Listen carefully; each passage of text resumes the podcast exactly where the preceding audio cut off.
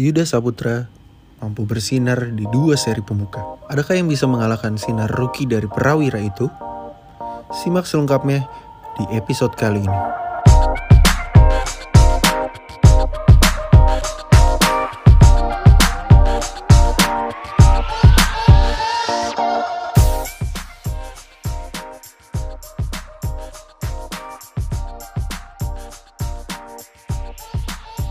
Oke, selamat pagi, selamat siang, selamat sore, dan selamat malam teman-teman Abbas Talk. Hari ini episode ke 113 harusnya, kalau gue nggak salah. Bener nggak? Ya, gue lupa lagi deh. Ya, dan di episode comeback, kita berhasil masuk ke episode ke-8 berarti, Bu ya? ke-8. Betul. Nih, setelah kita membahas dua tim yang eh, berhasil mendapatkan satu kemenangan akhirnya, kita bakal eh, hari ini juga bakal membahas tentang sebenarnya eh, ini agak agak trennya agak menurun di season sebelumnya karena melihat eh, entah kenapa sepertinya agak agak tertutup dengan pemain-pemain asing nih dengan pemain eh, adanya pemain asing jadi kayak menurun nih trennya nih Ya pastinya tentang itu. rookie nih ya. Ya pastinya kan karena karena kan kalau tahun lalu kan emang benar-benar full lokal ya. Kalau lokal kan Iya, tentunya kesempatan juga pasti lebih banyak ya Chan. Gitu. betul. Tapi ya dari segi dari segi individual mungkin gara-gara kemarin pemain lokal semua eh, cukup baik progresnya. Tapi dari menit bermain mungkin sangat terkikis Chan gitu. Pasti ya. Pastilah ya. Mm-mm. Ya, Tapi i- ya kita bakal eh, kasih teman-teman Abes nih beberapa nama lah ya Mm-mm. yang udah kita kurasi juga udah kita diskusiin juga dari statistiknya juga kita lihat ada ada lima lah ya eh, nama-nama rookie of the year yang calon-calon rookie of the year yang bisa eh, mengisi lima kandidat ini. Kalau mungkin dari lu dulu kali ya Bu, ada Ya. beberapa namanya. ya kalau lu lihat jabarkan. yang yang mungkin eh, yang mungkin menarik perhatian gua jelas ya jelas Yuda Saputra sama Muhammad Arigi cuma nanti itu kita bahas di terakhir aja ya karena dari Betul. dari pengalaman pun mereka sebenarnya sudah pernah bermain di IBL tahun lalu gitu Iya. jadi kita bahas paling akhir aja tapi kalau dilihat yang benar-benar dalam tanda kutip rookie benar-benar yang di IBL gua sih ada beberapa nama yang eh, menarik perhatian gua ya yang pertama pastinya Altov Altov Satrio ya kalau gua lihat ya Oke. Ya, di di Rans Altov sih menurut gua salah satu pemain kunci ya. Di, eh, di samping di samping pemain-pemain banyak pemain senior kayak Oki Wira, Bima Rizky, terus ada eh, siapa lagi? Coke. Oke. Ya, pemain-pemain seperti itu. Jalil Abdul Basit pemain asingnya gitu. Tapi menurut Hmm. gua pemain guard dari Rans Peak Basketball yang paling eh, clutch dan paling mentereng di selama seri pertama kemarin dan seri kedua di dua pertandingan ini adalah menurut gua Altov ya. Altov Satrio ya. Sejauh ini sih sejauh ini dia eh, cukup banyak juga sih poinnya ya, gua cek ya. Altov Satrio 27 poin Chan. 27 poin, 11 rebound. Ini data data per tanggal 1 Februari kemarin ya. Berarti Total rataan ya. ya berarti rataan dia eh, selama 6 pertandingan dia sudah mencetak 4,5 poin per game. Dan secara menit Ya, bermain, ya. menit bermain dia cukup banyak, 16 menit per game gitu. Kalau misalnya kita ngeliat statistik emang sedikit Chan, tapi kalau menurut Ya. gua influence dia di lapangan cukup bagus ya atau Satrio ya. Ya, Ya, menurut ya. gua pengalaman dia di PON juga sangat berpengaruh juga ya cara dia main di lapangan karena dia mendapatkan satu pelatih eh, Tony Raja Shalendra yang membuat eh, menurut gua permainannya lebih wise aja, lebih dewasa lah gitu. Permainan Altov gitu. Itu sih kalau Betul, gua betul, betul. Altov dulu. Kalau lu ada Altov setuju gak atau ada nama lain? Setuju, setuju. Gue ngeliat ketika dia ngelawan, ngelawan eh, kemarin tuh lawan siapa? BPJ ya? Kalau Ya. BPJ itu dia ada Clutch shot ya. eh, eh, kalau nggak salah ya clutch shot tiga, tiga three point yang dia bisa masukin tuh penting-penting sih menurut gue. Nggak yang nggak yang eh, open shot dan segala macam itu di itu merupakan challenge shot. Gue apresiasi buat dia karena mental eh, yang coba dia bangun di setiap game eh, IBL tuh selalu meningkat sih kalau gue ngeliat di game pertama mungkin masih ya sosok lah masih as rookie masih malu-malu masih takut-takut itu wajar lah. Tapi di game-game selanjutnya dia nunjukin kalau ya gue pernah main di PON gue udah udah scrimmage sama beberapa tim-tim IBL ya buat apa gue takut dan lain-lain sih. Menurut gue patut diapresiasi dari Altov ini semoga bisa menjadi pembeda juga di uh, bench uh, run speak agar uh, apa ya bisa mendapatkan kemenangan selanjutnya sih buat run speak ya. Iya, nama selanjutnya dari lu siapa? Gua kalau gua mungkin pemain dari Bumi Borneo kali ya. Uh, ini dia sebetulnya kemarin sayang banget belum bisa bermain karena COVID ya, kalau saya bu. Iya, iya. Ada Agam Sebastian, salah satu anak didikan dari Coach Tony juga anak uh, Esa Unggul. Dia benar-benar fearless sih dari cara mainnya. Dia nggak sama sekali. Uh, kalau gue ngeliat di NBA dia kayak siapa ya kayak Isaiah Thomas kali ya sama kali lebih pendek juga takut lebih pendek lagi nembak gak takut lebih pendek lagi ya dia 151 ya maksudnya buset gagah juga 160-an kayaknya ya. 160-an 160-an lah ya Iya, iya, iya, maksud gue dia nggak takut buat nembak, nggak takut buat drive juga, dan terbukti di di uh, average poinnya tuh kalau kalau gue nggak salah tuh 7 poin di average-nya, 2 rebound dan 1,3 assist. Mungkin nanti bisa bisa dikoreksi lagi kalau gue salah. Cuman dari statistiknya pun sama sekali nggak mengecewakan. Dia menjadi dipercaya buat coach dari coach Tony buat jadi starter uh, ketika uh, series pertama di Jakarta Bumi Borneo main dan tidak mengecewakan menurut gue walaupun memang ada sedikit human error dan itu wajar sih dengan uh, pemain yang baru main uh, rookie-rookie. Tapi gue rasa sih uh, gue gue penasaran dengan seri selanjutnya. Nanti kalau uh, Agam bisa main lagi uh, semoga ya dia uh, tetap improve sih pasti kalau dari lu gimana? Ya. Agam ya kalau lihat Agam sih gue salah satu orang yang mungkin uh, pernah lihat dia main di kuliahan ya walaupun nggak banyak cuma gue pernah lihat dia main dan secara size kalau kita lihat pas lagi mungkin pas lagi uh, free trial atau misalnya lagi try out itu mungkin uh, Coach Tony dipandang sebelah mata ya kenapa milih Agam gitu buat main di IBL yeah, karena yeah. dari secara size pun uh, sangat kecil gitu tapi kita lihat hmm. dari di seri pertama kemarin penampilan Agam sih menurut gua luar biasa sekali ya uh, di luar ekspektasi yeah. banyak orang juga sih menurut gua uh, selain dari skornya yang uh, cukup konsisten juga gitu tiap ada ada game 8 atau 9 gitu dari three point kadang-kadang mm-hmm. emang uh, ini orang sih ajanya nyuri juga ya walaupun uh, memanfaatkan memanfaatkan tinggi eh pendek badannya ya si Agam ya yeah. dia menjadi orang uh, pemain kedua pemain kedua dengan rataan steal terbanyak sih 2,75 steal per game 2, di bawah 2,75 tuh ya di bawah uh, Aldi Valentino Aldi kan 3,7 jadinya hanya okay. beda satu gitu nah ini Agam nih salah satu pemain yang menurut gua patut dinantikan di sih di seri-seri berikutnya gitu. Iya iya. Ya. ya mungkin kalau kalau dari gua tambahan lagi ya ini kita nggak usah bahas ya tapi uh, kalau kita lihat bahas dari dua tim ini Borneo dan Rans sebenarnya kan dua tim yang punya banyak pemain rookie ya. Uh, tribute juga sih untuk Julius Cesar Wongso yang di Borneo juga cukup tampil efektif juga sejauh ini di oh, iya. Borneo ya di Julius Cesar Wongso. Kalau di Rans gue lihat ada nama Agus Salim sih si Kiang Lim ini oh, iya, mungkin betul. ya mungkin dia tinggi ya tingginya mm-hmm. di atas rata-rata pemain lokal dan di antara pemain asing pun dia cukup bisa compete juga gitu karena tingginya juga hampir 200 meter gitu eh, 200 cm gitu iya. makanya mm. uh, Kiang Lim ini juga bisa lah kalau misalnya kita lihat nominasi pemain rookie mungkin Julius dan Kiang Lim ini juga bisa ya uh, masuk ke jajaran nominasi ya gitu yeah, iya, yang yeah, Lim dan Julius sih kalau gue lihat ya. Dan ini kalau misalnya dari tim kalau dari tim lain, gue mungkin ngelihat ada satu nama yang uh, cukup menarik juga, tapi secara tim mungkin tidak terlalu bagus ya, walaupun udah dua kemenangan. Dan, tapi dari secara hmm. bermain masih kurang itu uh, Peter Hosbah ya. Peter Hosbah ini Hosbah.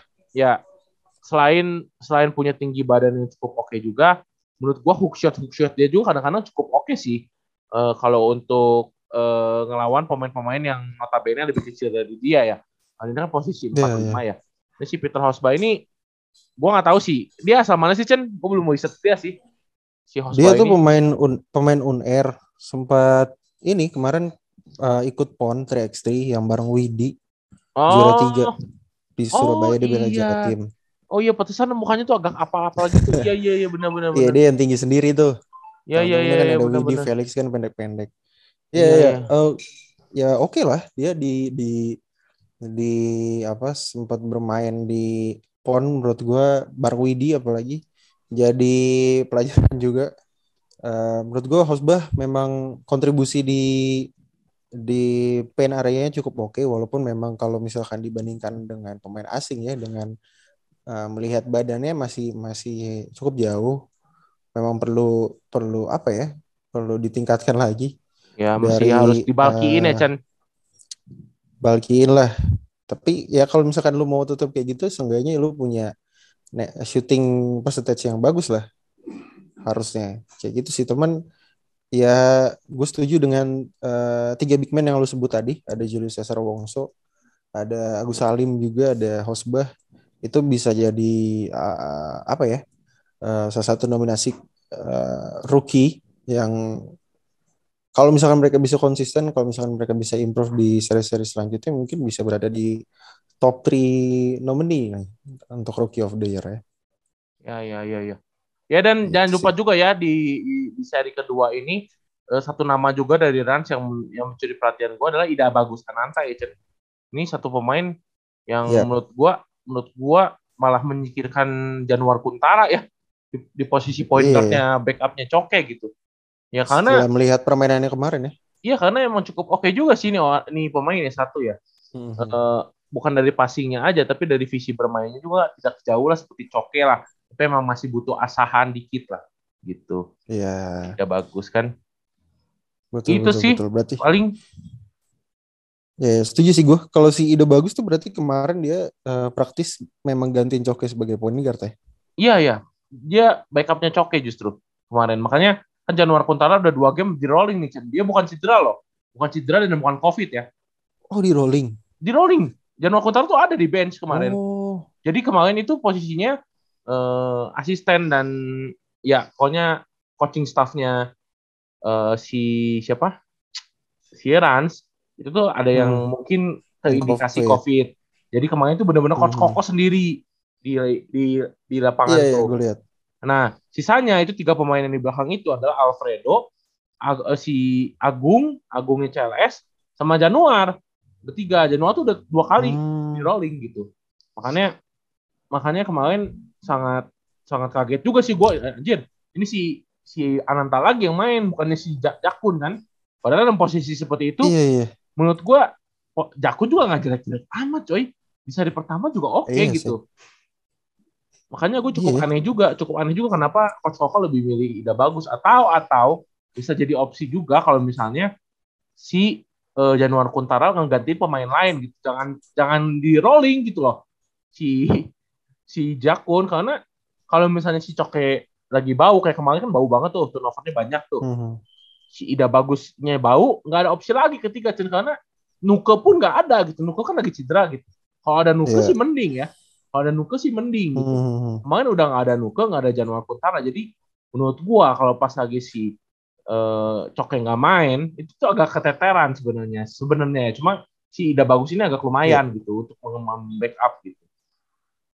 Iya lumayan setuju gue. Tapi memang tapi bukan cedera ya berarti ya Januar Kuntara ya. Enggak, enggak, Nggak ada nggak cedera cedera. gitu Free ya? kok dia. Ya, Oh, available dia. Oke oke. Ya menarik juga sih. Ya untungnya ide bagus Ananta juga nggak menurunkan standarnya ya. Ya justru eh, oke ya di seri kedua ini apalagi oke. Mm-mm. benar-benar. Patut dikasih menit sepertinya di beberapa game selanjutnya supaya eh, jam terbang juga. Tapi ya oke lah untuk masuk dalam eh, jajaran nominasi Rookie of the Year. Ini kalau selanjutnya mungkin gue eh, bakalan bergeser ke tim yang sebenarnya cukup banyak juga rukinya, yaitu Pelita Jaya. Tapi Hmm. ada beberapa yang eh, bisa jadi sorotan. Ada dua rookie sebenarnya yang eh, bisa yang gue sorot eh, bisa menjadi salah satu kandidat Rookie of the Year juga yaitu ada Fernando Manansang dan Muhammad Arigi. Mungkin kalau dari Fernando dulu gue melihat dia uh, cukup apa ya improve lah ya dan dia sama sekali tidak menurunkan ekspektasi orang-orang ketika uh, melihat Fernando di PON, ketika melihat Fernando di Liga Mahasiswa dan melihat Fernando di IBL itu sama semuanya dan benar-benar ini anak nggak ada takutnya. Gue ngeliat ketemu banyak pemain senior senior, ketemu Arki dia sempat jaga Arki kalau gue nggak salah. Itu dia uh, bermain cukup bagus, walaupun ada beberapa turnover turnover kecil dan bisa dilihat juga dari statistiknya itu 4,3 poin, 4,3 rebound average-nya dan 0,7 assist average. Menurutku oke okay lah ya untuk it's a good start lah ya buat Fernando Manansang.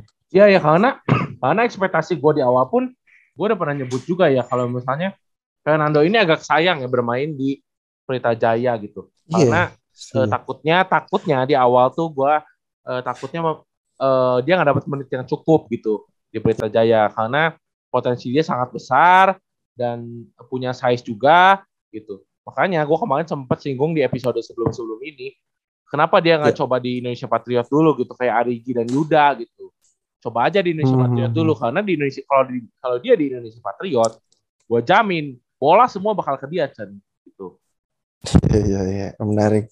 Kalau nggak ke dia ke Bagir lah ya. Iya, jadi ini ada dua unicorn yang bisa nge-backup tuh tim gitu. Kalau di Pelita Jaya, gue tadi takutnya dia masih masih banyak saingan tuh. Ada Vincent, terus ada Govin, ada Halden Wicaksono, ada Regi gitu kan banyak banget gitu pemain-pemain combo yang bisa nembak bisa drive gitu masih too iya. much yeah. lah dari PJ gitu tapi ya tadi lu udah bilang juga ya dia eh, tidak menurunkan ekspektasi kita ya sebagai penonton gitu mm.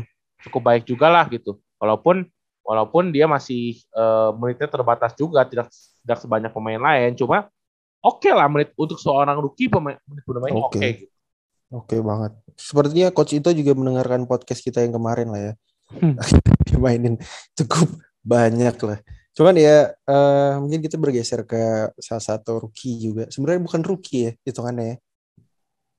Lebih ke sophomore karena dia sophomore. udah pernah bermain di IBL uh, eh, season lalu bersama Indonesian Patriots tapi ya tapi kalau misalkan reg, uh, regulasinya seperti itu harus dihitung sebagai rookie ya oke okay, kita masukin dalam jajaran rookie of the year menurut gue salah satu menurut gue Muhammad Arigi sih jadi apa ya uh, jadi saingan terberat Yuda sih sebenarnya cuman uh, Arigi ini memang apa ya nggak ada takutnya juga sih. Maksudnya dia main lepas banget.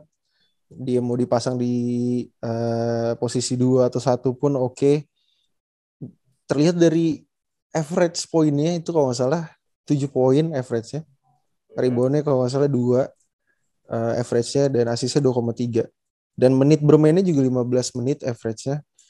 Kosito cukup mempercayai Arigi uh, dan gue rasa sih uh, wajar lah ya. Gue ngeliat dia berkontribusi di offense dan defense cukup bagus. Uh, apa ya hampir sama sih kayak Fernando uh, Manansang. Gue ngeliat kita melihat dia di pon dia di uh, eh sorry di pon.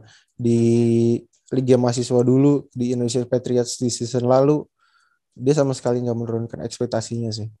Gue ngeliat ya, sama ya. sih kalau Arigi ini khususnya ya menurut gue di PJ udah jadi satu nyawa ya jadi kalau menurut gue di Arigi ya kalau Fernando mungkin masih bisa tergantikan ke posisinya kalau menurut yeah. gue Arigi dengan posisi dia saat ini dan beberapa kali di game ketiga atau game keempat PJ kemarin dia yang ambil semua hmm. shot-shot penting tuh hari gitu. Yeah.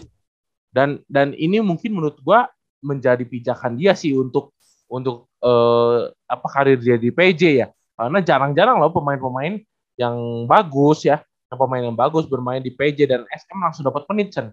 Jarang tuh. Biasanya biasanya ini butuh satu atau dua tahun dulu untuk ngecas, iya untuk adjust dan akhirnya dapat menit gitu. Nah ini Arigi ini salah satu yang cukup cukup apa ya cukup menarik perhatian gitu. Gue gue juga nggak yakin ya kalau misalnya ya saya saudara saudara nanti udah main, apakah dia bisa dapat menit Hmm. sebanyak Arigi gitu. Itu sih yang Oh, mesti iya jadi sih. pernyataan. Itu itu yang jadi pembeda ya mungkin ya untuk untuk rookie-rookie lainnya yang bermain di tim seperti PJ dan SM gitu. Mereka boleh bagus di Hmm. Indonesia Patriot. Mereka boleh bagus di Liga Mahasiswa gitu. Tapi udah masuk ke tim sekelas PJ dan SM, biasanya mereka harus Iya. ngantri dulu tuh, Chan. Ngantri lah kasarnya gitu. Iya iya iya. Apalagi ada Kevin Bridgewater juga kan di guardnya PJ. Menurut gua Iyalah. menjadi pilihan yang sulit juga buat coach itu sih nantinya. Tapi kita lihat nanti kalau misalnya saya seperti saya udah bisa bermain ya di seri seri Bandung ini. Iya, bisa, bisa, bisa, bisa. Iya, ya, kita lihat nanti. Ya, semoga anak-anak ini tetap improve lah. Gitu. Dan next, terakhir mungkin ini salah satu calon paling kuat sih menurut gua ya. Kalau Yuda Sangat emang kuat sih. Iya, Yuda dihitung sebagai rookie dan kayaknya sih emang dihitung sebagai rookie ya. Yuda Iya. ini gue nggak ngerti ya. Ini kalau dibilang waktu itu Karana pernah nanya juga ya kita kan. Ini Hmm. alpha male-nya Yuda, eh alpha male-nya Prawira, Yuda atau Abraham gitu. Abraham. Heeh. Kalau kita sih masih bilang Abraham ya sebenarnya untuk jadi Iya. alpha male-nya Prawira. Tapi dilihat dari seri Bandung ini, terutama terakhir lawan Borneo juga di di mana di Jakarta gitu. Ini Yuda Saputra ini gue nggak ngerti ya apa yang dikasih adjustmentnya sama Coach Dave ya. Apakah dia emang Iya. disuruh nembak terus atau gimana? Tapi gue rasa nih orang nih tingkat PD-nya sih melebihi siapa pun Chan. Ini orang ya Iya, nggak tahu iya, iya. nggak tahu overconfidence atau gimana. Tapi emang nembaknya masuk mulu sih. Ini Asli, orang asli. asli sih. Gue nggak ngerti lagi sih. Kalau di, orang- di- kalau di PJ punya anak ajaib Prastawa, mungkin kalau di Prawira anak ajaibnya sih udah Saputra sih. Iya sih. Kalau gue lihat ya. Dan gue lihat juga, gue yakin sih eh, tim-tim sekelas PJ dan SM ngelihat permainan Yuda kemarin sih, gue yakin sih ketar ketir juga nanti kalau ketemu lagi ya. Iyalah. Pasti sih. Maksud gue dia dia scoring di waktu yang krusial dan itu lawannya tim-tim besar. Satria Muda.